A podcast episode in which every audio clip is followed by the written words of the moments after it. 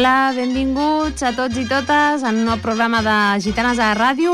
Avui m'acompanya, com sempre, el vicepresident, assajador, eh, locutor de ràdio i amic, l'Agustí Carmona. Som multitarees, som multitarees. Bueno, això, tu, això tu. també.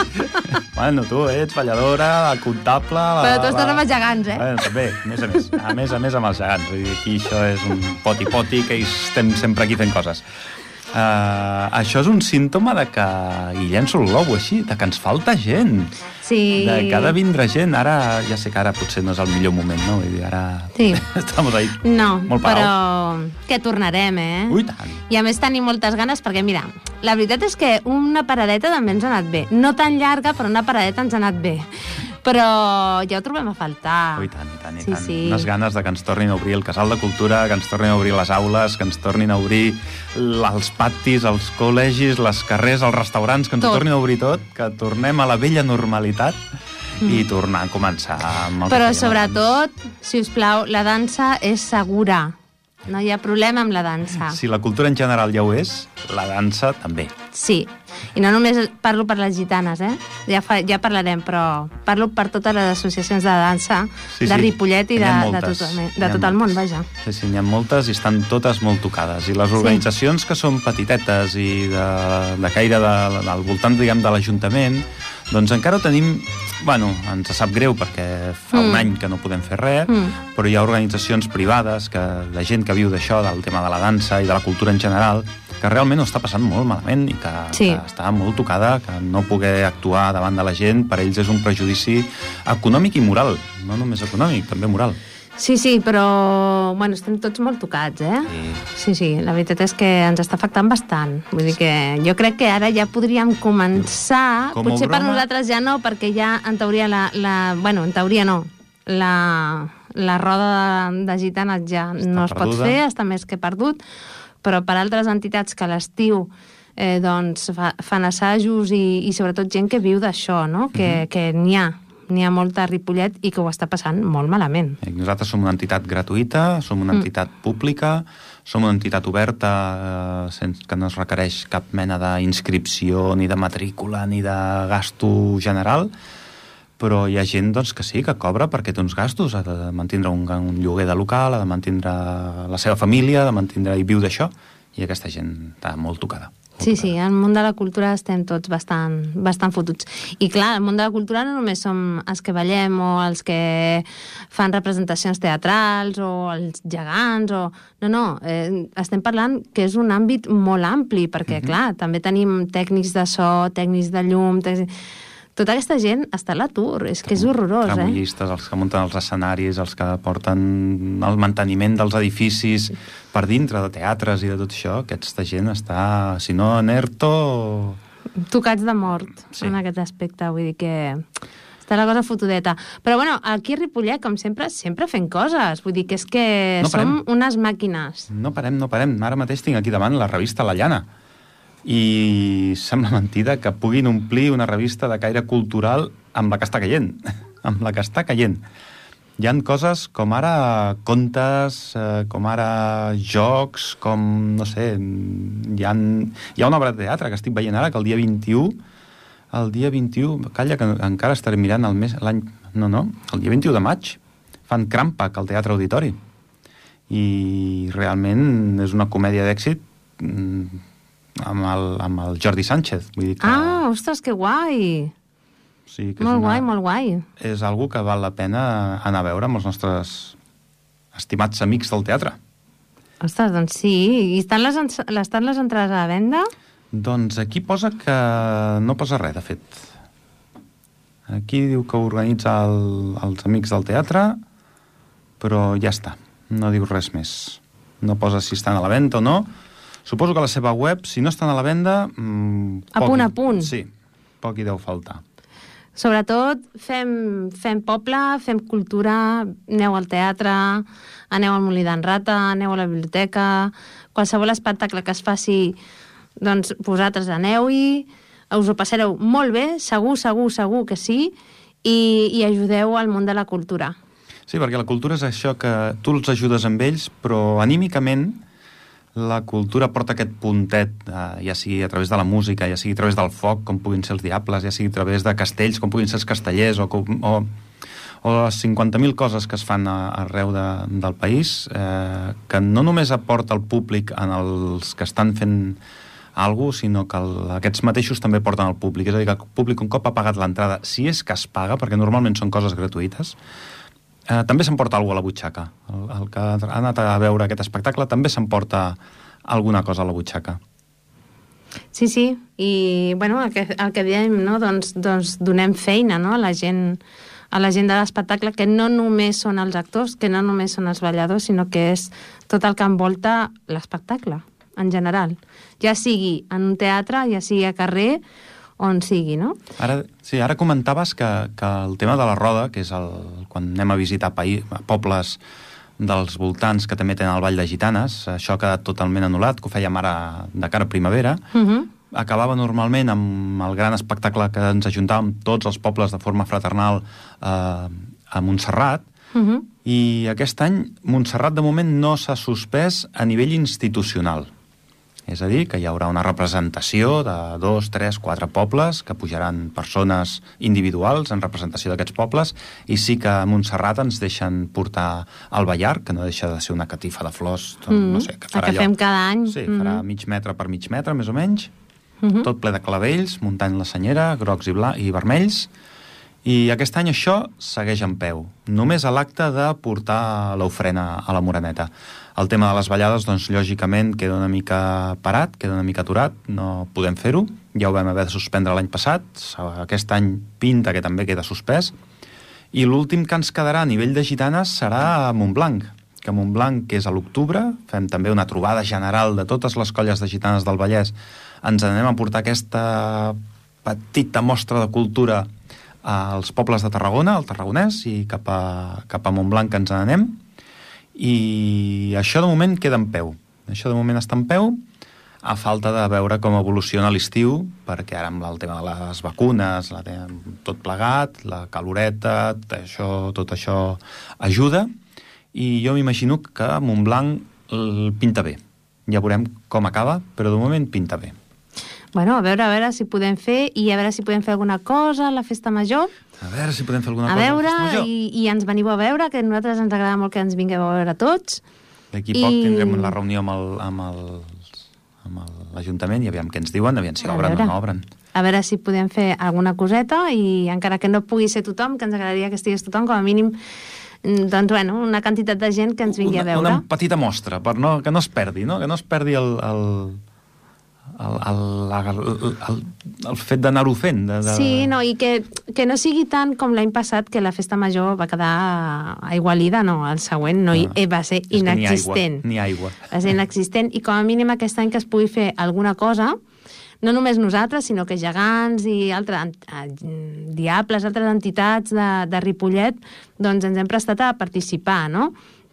Perquè encara que no puguem fer una festa major, com, com cada any fem, que la festa major de Ripollet és, jo crec que de les millors del Vallès, per no dir la Està millor, perquè ja seria... però sí, tens Sí, sí.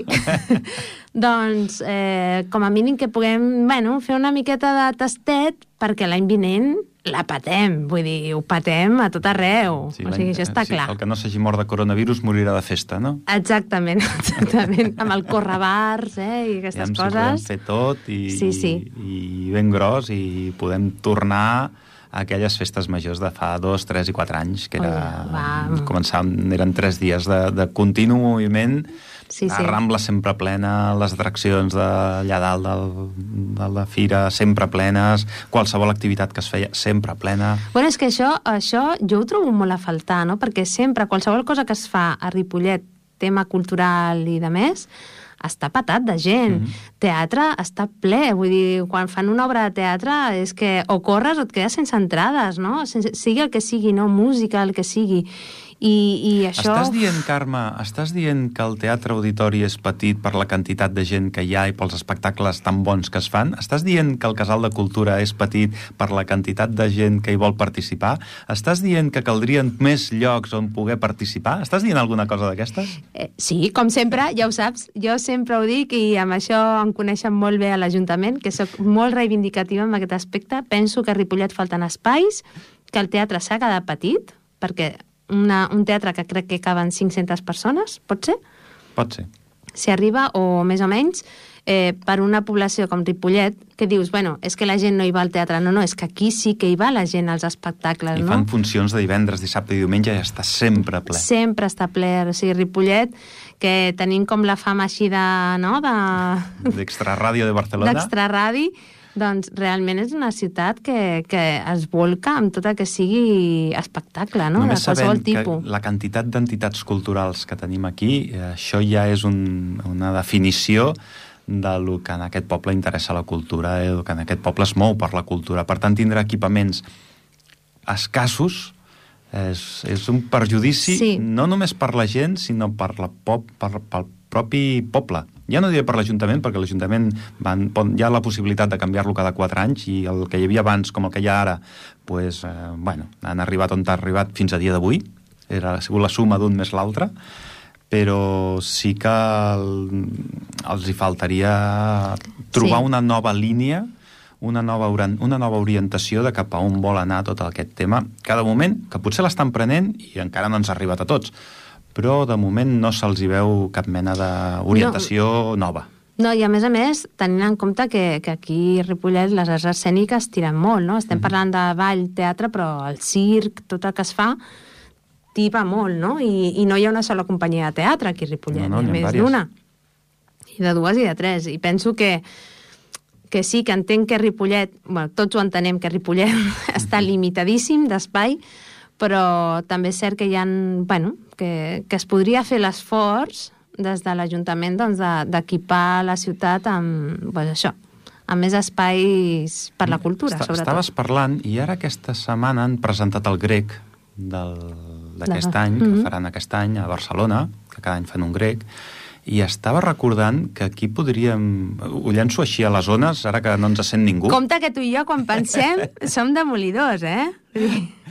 Perquè aquí podríem muntar un grec, un teatre grec, amb les seves grades i la seva...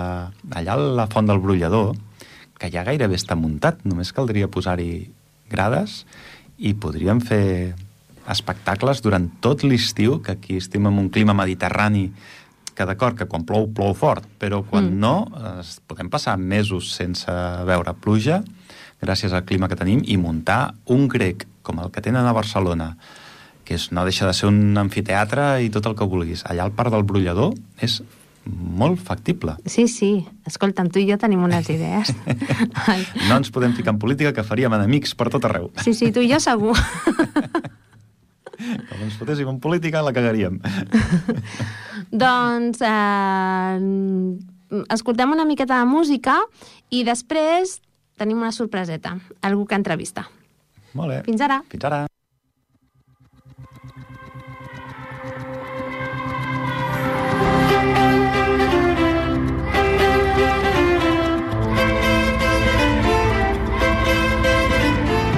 A l'altra banda del mirall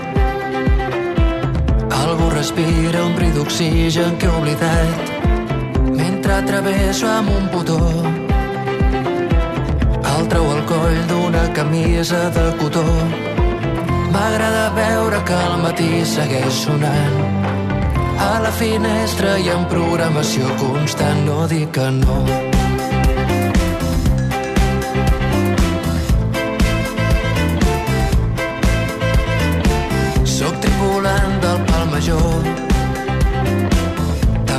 Passa que m'alvira l'horitzó.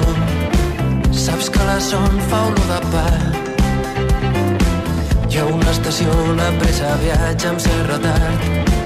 Tinc punts de llibre per fixar-me al pensament. Sóc el costum d'un animal de cos present. I encara penso la raó concreta del meu dia de veritat són els motius que vam sopar. Mentida un got de plàstic a la mà. Jo et prometo que no crec en tot això. De veritat que jo només respiro dins d'una cançó.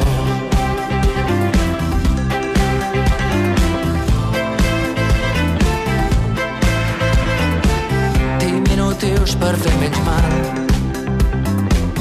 a les estrofes de la premsa elemental qui renta els draps i mai no plou. Va ser primer la solitud o potser l'ou. I de ben cert que posaria els peus al riu. Però està prohibit dins un sistema productiu. I encara busco la raó concreta del meu dia. La veritat són els motius que vam sopar. De mentida un got de plàstic la. I amb això, Blaumut i el seva cançó de veritat, eh, que ens aporta, ens ha portat a la següent, a la segona part de, del programa. Com sempre fem aquest petit intermig per aixugar una mica, per prendre una mica de got d'aigua i prendre una mica d'alè per seguir, per continuar. Carme, ara ens vols presentar algú. Sí, sí, us vull presentar, de fet, eh, ens farem una entrevista a José Antonio Aguado, que a més a més de ser professor d'arts escèniques en un institut públic a Vila de Cavalls, a més a més també és director d'una companyia a Terrassa i bé, la, el que ens interessarà parlar amb ell, a veure quin punt de vista no, té des de, des de les arts escèniques eh, com el teatre i també doncs, eh, com ha viscut la realitat eh, des de la vessant de l'institut i la vessant com a companyia pròpia no? que, que té a Terrassa. Doncs, eh, hola, José Antonio, ¿qué tal? Hola, buena tarde. Hola, buena tarde, José Buena tarde. Antonio. Eh, bueno, pues eh, te he presentado. Eh, cuéntanos, ¿cómo se llama tu compañía? Yo lo sé, pero bueno, tú dilo. Bueno, como la bola del billar, la bola negra, es compañía 8, la que no hay que meter en el agujero. ¿Por algo en concreto ese nombre?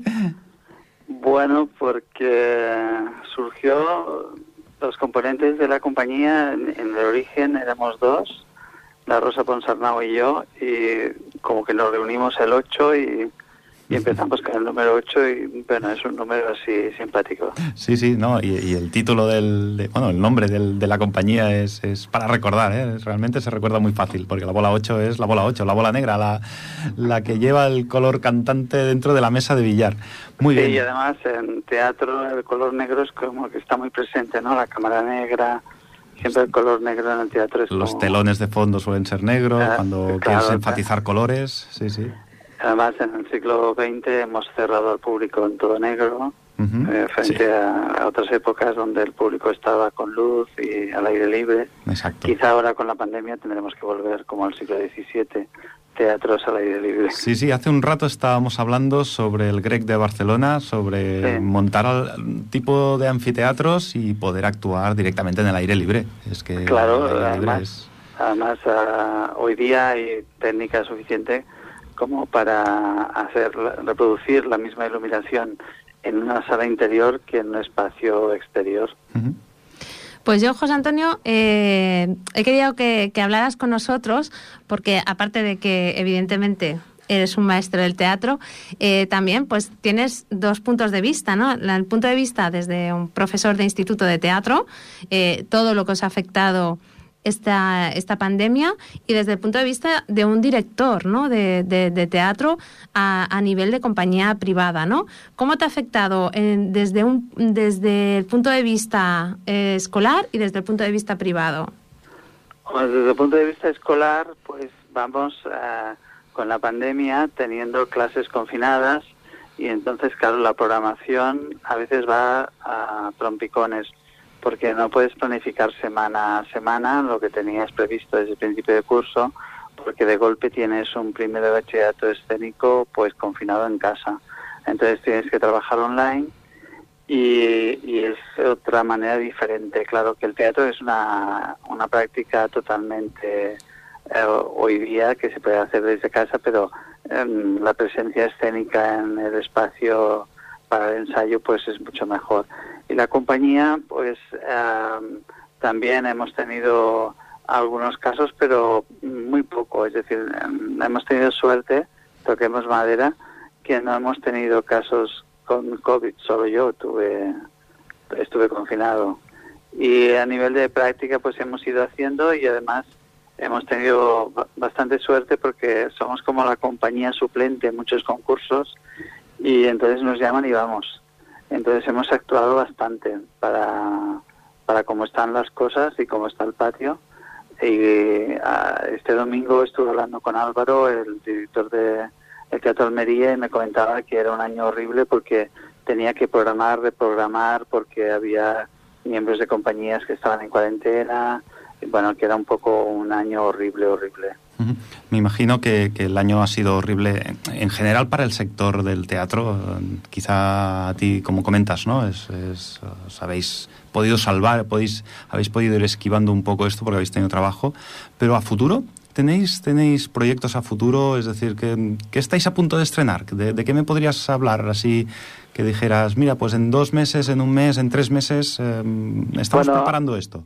Sí, nosotros llevamos una obra que estrenamos en el año 19 y ya llevamos unos 17 bolos, eh, se llama Donas y Silenci, que ahora volveremos a tener un bolo en Teatro Alegría el día 20 de junio. Y vamos, nos van saliendo bolos de esta obra que va sobre el machismo, sobre la violencia de género. Y, y paralelamente ahora estamos trabajando con la compañía un proyecto nuevo y este proyecto nuevo lo estoy experimentando eh, en la sala de ensayo y lo estoy experimentando con los propios actores. La dinámica es distinta, como es como, como una co-creación de todo el grupo a partir de una idea base y entonces vamos trabajando, trabajando y vamos mm, tirando lo que sobra y nos vamos quedando con aquello que nos parece realmente interesante. Y es un poco una reflexión sobre la vejez y sobre cómo afecta el COVID y la pandemia a las personas mayores, que por, por un falso paternalismo hacemos que no se muevan, que no vayan a la piscina, que no vayan a pintar, que no vayan por miedo a infectarse. Entonces estamos reduciendo la vida y estamos reduciendo la vida a un sillón. Y entonces es una reflexión sobre eso a través de una familia con la abuela, las dos hijas, la nieta y dos pisos, uno de alto standing y otro de gente curiosa. Entonces eh, son dos pisos y dos historias paralelas que se cruzan, es una comedia negra, un poco con los tiempos. Si alguien quiere buscar entradas, si alguien quiere mm, venir a verlo... La, idea es trabajarla mucho, que lo estamos haciendo muy bien. Estamos, eh, estamos trabajando mm, cuatro días a la semana eh, y estamos trabajando en una sala de ensayo en condiciones, que podemos bajar escenario también.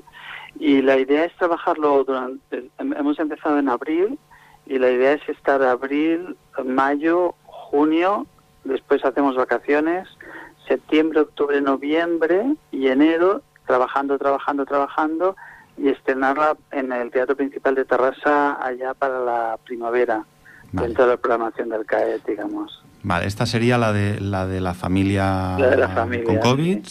En casa. y la otra obra que nos habías comentado la de la de Donas y Silenci, es, la que llevamos la que vamos rodando. A esta sí que se puede acceder podemos buscar entradas podemos venir a verla. Sí podéis venir a verla por ejemplo a Tarrasa a la Alegría el día 20 de junio. 20 de junio en Tarrasa en el Teatro Alegría. En Teatro Alegría que es el bolo así más cercano. Tenemos otro pendiente de la federación, pero nos, nos falta fecha. Y tenemos también un bolo que haremos en Mallorca, pero también nos falta la fecha. Nos van saliendo así cosas, vamos haciendo. Cada mes hacemos un bolo o dos y bueno, está bien. Para, para ser una compañía que no es profesional, que está ahí en, digamos, en, en la frontera entre la materia y el profesional, pues bueno, tampoco tampoco pedimos trabajar continuamente porque quemaría demasiado a los actores. No, pues dos bolos al mes eh, con la que está cayendo, bueno, más de dos con la que está cayendo, es, es muy buenas noticias. ¿eh? Personalmente creo que son muy buenas noticias porque demuestra pues, que se puede seguir haciendo, se pueden seguir haciendo cosas de estas. No, i a més que jo que he vist més d'una obra de, de José Antonio, sobretot a, a nivell institut, eh, no? però també he vist alguna a nivell de companyia, eh, realment són obres molt bones, uh -huh. vull dir, molt ben treballades, molt ben guiades, i, i jo ho recomano, sincerament, que si teniu la possibilitat d'anar a veure el, la companyia de José Antonio, doncs que aneu perquè està molt bé. Bola, bola, sí. bola 8. Sí, sí, Bola 8, sí, sí. me he quedado con el nombre, me he quedado con el nombre fácil de recordar. Sí, y además eh, este jueves y estrenasteis una obra con, con, la compañía del instituto, por decirlo de alguna sí. manera. Sí, sí, con, bueno, hacemos talleres, eh, tanto en la ESO, es el teatro que hacemos en la ESO es para jugar, digamos, para que crezcan como personas y como mm, proyección personal, pero en bachillerato de artes escénicas del IES Vida de Caballos, pues hacemos un, dos proyectos en primero de bachillerato. Uno es que lo acabamos, lo estrenamos uh, antes de Navidad, que era un proyecto conjunto entre primero y segundo, que era el chico de la última fila, de Juan Mayorga. Luego hicimos un proyecto que nos encargó el ayuntamiento sobre el bullying y que solo lo grabamos sin público en el principal, que eso estuvo también muy interesante la grabación como si fuese una película. Y luego, a final de curso, haremos un musical. Uh, y, y, ahora, el viernes pasado, estrenamos el proyecto de texto, el taller de texto de segundo bachillerato, que es La Edad de la Ira, basado en la novela uh, con el mismo título. Sí, a més a més, eh, bueno, estábamos diciendo, José Antonio, que aquí en Ripollet las artes escénicas tienen mucho tirón. Hay varias compañías de teatro y demás. Vull dir que si algú té interès de fer batxillerat escènic, doncs eh, decidiu-vos per anar a Vila de Cavalls, que la veritat és que està molt bé, i total són 20 minuts de tren, vull dir que es fan ràpid. Hemos y... tenido algún alumno de Ripollet alguna sí, vez. Sí. sí, sí. Y además, bueno, pues eso, ¿no? Que es un instituto donde va gente de, de, de otros sitios, no solo de Vila de Cavalls, claro.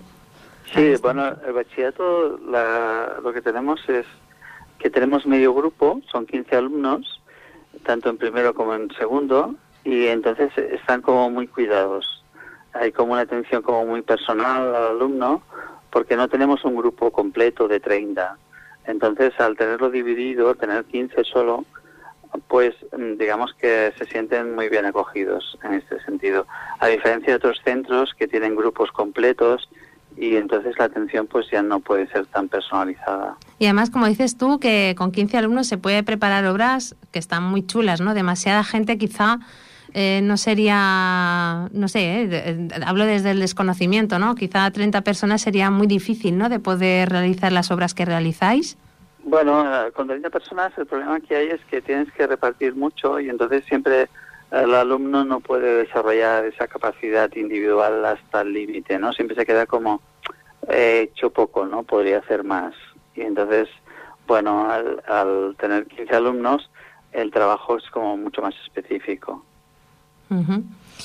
Bueno. Eh, me remito ahora un poco hacia atrás, eh, sí. durante plena pandemia, que todo era tele, teleenseñanza. Eh, si estudiar matemáticas ya era duro y difícil, eh, estudiar artes escénicas uh, sin tener a ese compañero al lado, sin tener... ¿Cómo, cómo resultó el experimento? Bueno, trabajábamos algo que, que dio bastante resultado, que fueron los monólogos. Vale. Trabajar monólogos. Eh, entonces mm, teníamos pues una cantidad de monólogos extensa tanto de para hombre como para mujer. Y entonces trabajamos el monólogo, que también es un ejercicio interesante, uh -huh. porque de alguna manera es tú solo, ¿no? Claro. Y luego, por, por, grupos de dos, trabajábamos con el Zoom, con grupos de dos, de tres, pero la, lo que fue mucho más rentable fueron los monólogos y después la danza, la danza en, en espacios de la casa. Entonces uh -huh. bailaban y hacían movimiento en el comedor, en la habitación, en la cocina. Entonces era como la casa bailada, ¿no? Vale. Entonces esto era interesante. Sí, sí, nosotros lo probamos, probamos algo parecido. Con... Sí, probamos de hacer ensayos aguado, pero José Antonio, pero no, no nos salió, no, no, no. no. Eso de, de, intentar enseñar pasos ahí con el, con el ordenador fue muy difícil, la verdad. Sí, sí. Porque Bueno, tienes que enfocar pies, tienes que... Era imposible. Bueno, nosotros nosotros buscamos el movimiento personal de cada uno a partir de, de, de modelos como la Pina Baus, más que, más que el ballet, sino más bien el movimiento personal, individual, Sí, claro. y a través, y a en ese través de una concepto, melodía. eh, claro, nosotros nos movemos en grupo y tenemos que bailar todos los mismos pasos, de la misma manera, al mismo ritmo. No, no, y eso no, sí que dijimos, al final dijimos, "No, no, si, nos, si queréis hacemos un zoom, pero vamos a poner la cervecita al lado porque vamos a charlar un rato más que bailar, porque esto es imposible. Sí, yo lo que, lo que busco en el alumno, más que una coreografía concreta, buscamos el desarrollar el movimiento. Una expresividad Entonces, corporal más que... Sí, sí, más que una, unos pasos, un movimiento de 8 más 8, más que esto, lo que funciona muy bien es que el alumno busque dentro de sí eh, mover partes que nunca mueve, mover los codos, mover, los, mover el cuerpo a través de un concepto o una idea, ¿no? Y, Bailar cuadros, bailar poemas, bailar, mm, bailar una novela, por ejemplo. Entonces, em, sin palabras. Entonces, trasladar lo que es la literatura al movimiento. Y es como, un movi- como un sentimiento personal, digamos. Es una expresión de lo que es- en este momento Sí. te está transmitiendo el, o el poema o la lectura que tienes en, de- por y ellos, parte. ellos buscan la música, yo le doy una música de partida, que determina mucho la música, claro, pero entonces ellos se la adecuan a, a sus gustos y se la hacen suya y entonces el baile se lo hacen suyo. Y entonces, aunque mm, te cueste mucho bailar o, no tengas experiencia bailando, cualquiera puede desarrollar esta actividad y encontrarle placer. Y una cosa que estábamos comentando antes, José Antonio, eh, aquí en Ripollet nos hemos encontrado, pues, eh, bueno, gente que se dedica a la danza, ¿no? No solo a la danza clásica, sino a danza española y demás, Sí. que se han encontrado que no han podido hacer nada, siguen sin poder trabajar. Allí en Tarrasa, tú que te, mueve- que tú te mueves en el, en el mundo de la escenografía y demás, y de las artes escénicas y tal, eh, ¿está sucediendo lo mismo? ¿Ocurre lo mismo con las academias privadas de baile y demás? Bueno, lo que es eh, la Generalitat cierra, eh, ha cerrado en momentos de pandemia todo lo que eran las academias privadas y todo, por ejemplo, los centros cívicos están cerrados. Todo lo que son lugares de reunión están cerrados y clausurados todavía. Lo que pasa es que, bueno, ah, muchas compañías pues han buscado fórmulas alternativas en las cuales mm, se han podido mover. Eh, me refiero, por ejemplo, a teatros privados como la Sala Crespi, que han ofrecido horas de ensayo, eh, o, por ejemplo, a Mix de las Arts. Las compañías, digamos, de toda la vida han seguido trabajando en sus espacios y han sido generosos al ofrecer los espacios a otras compañías que puedan albergarse dentro de ellos. Y entonces hemos, por ejemplo, yo estoy trabajando gracias a que me, me han dejado el espacio. Nosotros como compañía no tenemos espacio propio, no tenemos teatro. Entonces dependemos de que nos dejen espacios. Sí, Y porque es, importante está- tener, tener un espacio donde ensayar, donde poner en Sí. común las cosas, siempre es importante, sí, Sí. sí. Y por esto es de agradecer esta especie de solidaridad que ha surgido entre la gente de las artes escénicas de echar un cable ahora que hace falta, ¿no? También pasa con el público, que aunque esté al 50%, el público al hacer teatro y al quitarte la mascarilla delante de ellos y tal, pues el público está como más receptivo que antes está como que valora el acto teatral mucho más. Y de hecho las salas de Barcelona eh, están todas llenas. Sí, Eh, sí, sí. eh, Si entras en la web del Teatro Nacional, por ejemplo, la sala grande, que cabe mucha gente, no hay entradas. Um, vas a la Villarreal, Villarroel y no hay entradas. Ujú. Al Mercat de las Flors, cuando viene una compañía, no hay entradas. Sí, sí. Es decir, que no, hay han, una- no han dejado hay de una- trabajar y sigue habiendo público y sigue habiendo ganas unas- de ver teatro y unas ganas, de ver ganas, cultura. Hay, hay unas ganas de, de- de ver cultura. Hay unas ganas de salir de casa. Sí, sí, de- eso lo tenemos todos. Estamos deseando que llegue el día 9 ya para poder tomar o ir a cenar un día fuera de casa, que llevamos mucho tiempo sin Bueno, poder hacer lo- eso.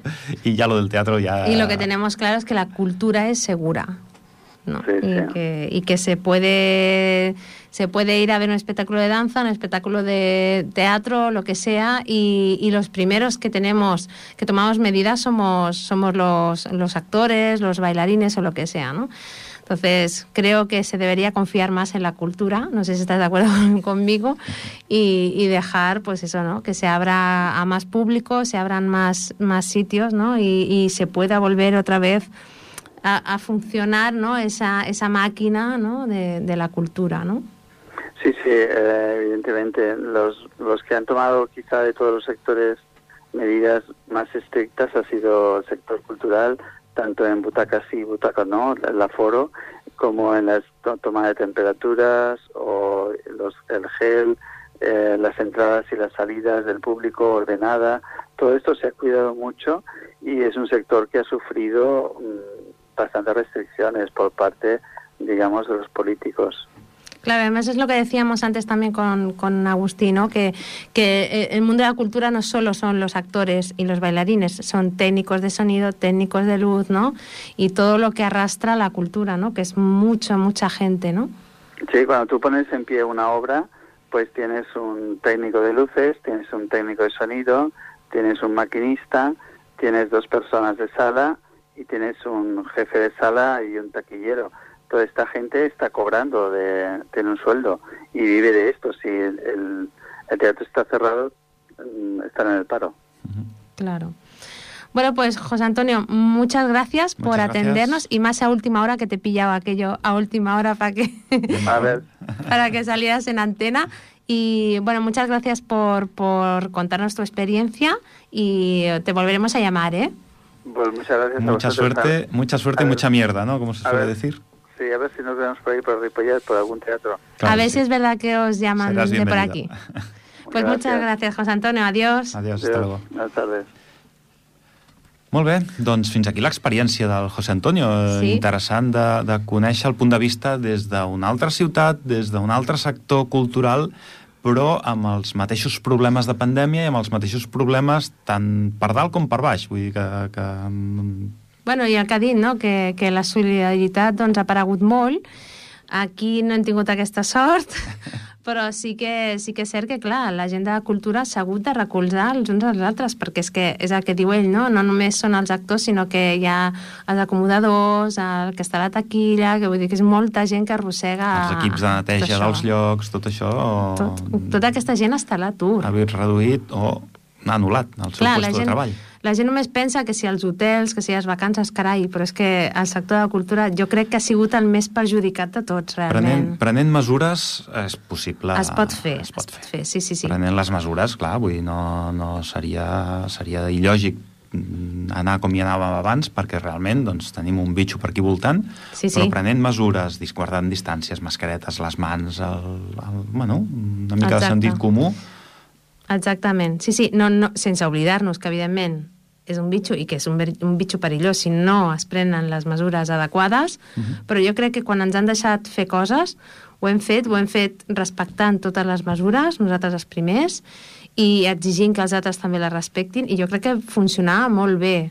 Però... Ara passeges per la Rambla i difícilment veus algú sense mascareta. Sí, sí, la gent s'ha acostumat molt i, i és d'agrair també. Eh?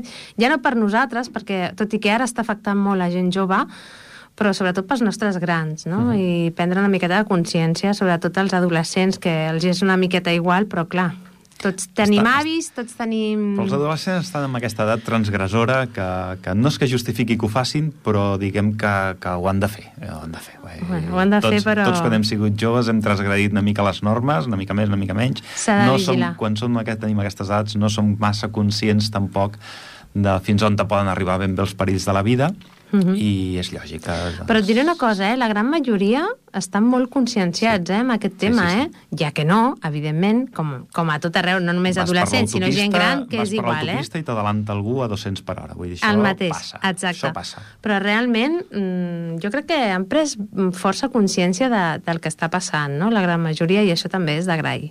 Però bé, costa, costa, costa. Aquestes, aquestes imposicions, per molt per la nostra salut que sigui, aquestes imposicions ens costa d'assimilar. Sí, sí, ens costen a tots. Ens costen a tots. Doncs eh, per avui ho deixem aquí.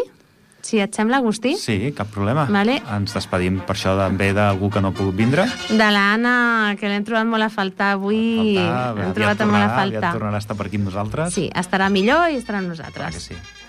Doncs fins a la propera. Ens veiem d'aquí un mes, el dia 1 de juny, que tornem a tindre programa. I tant. Fins ara! Adéu, bona nit.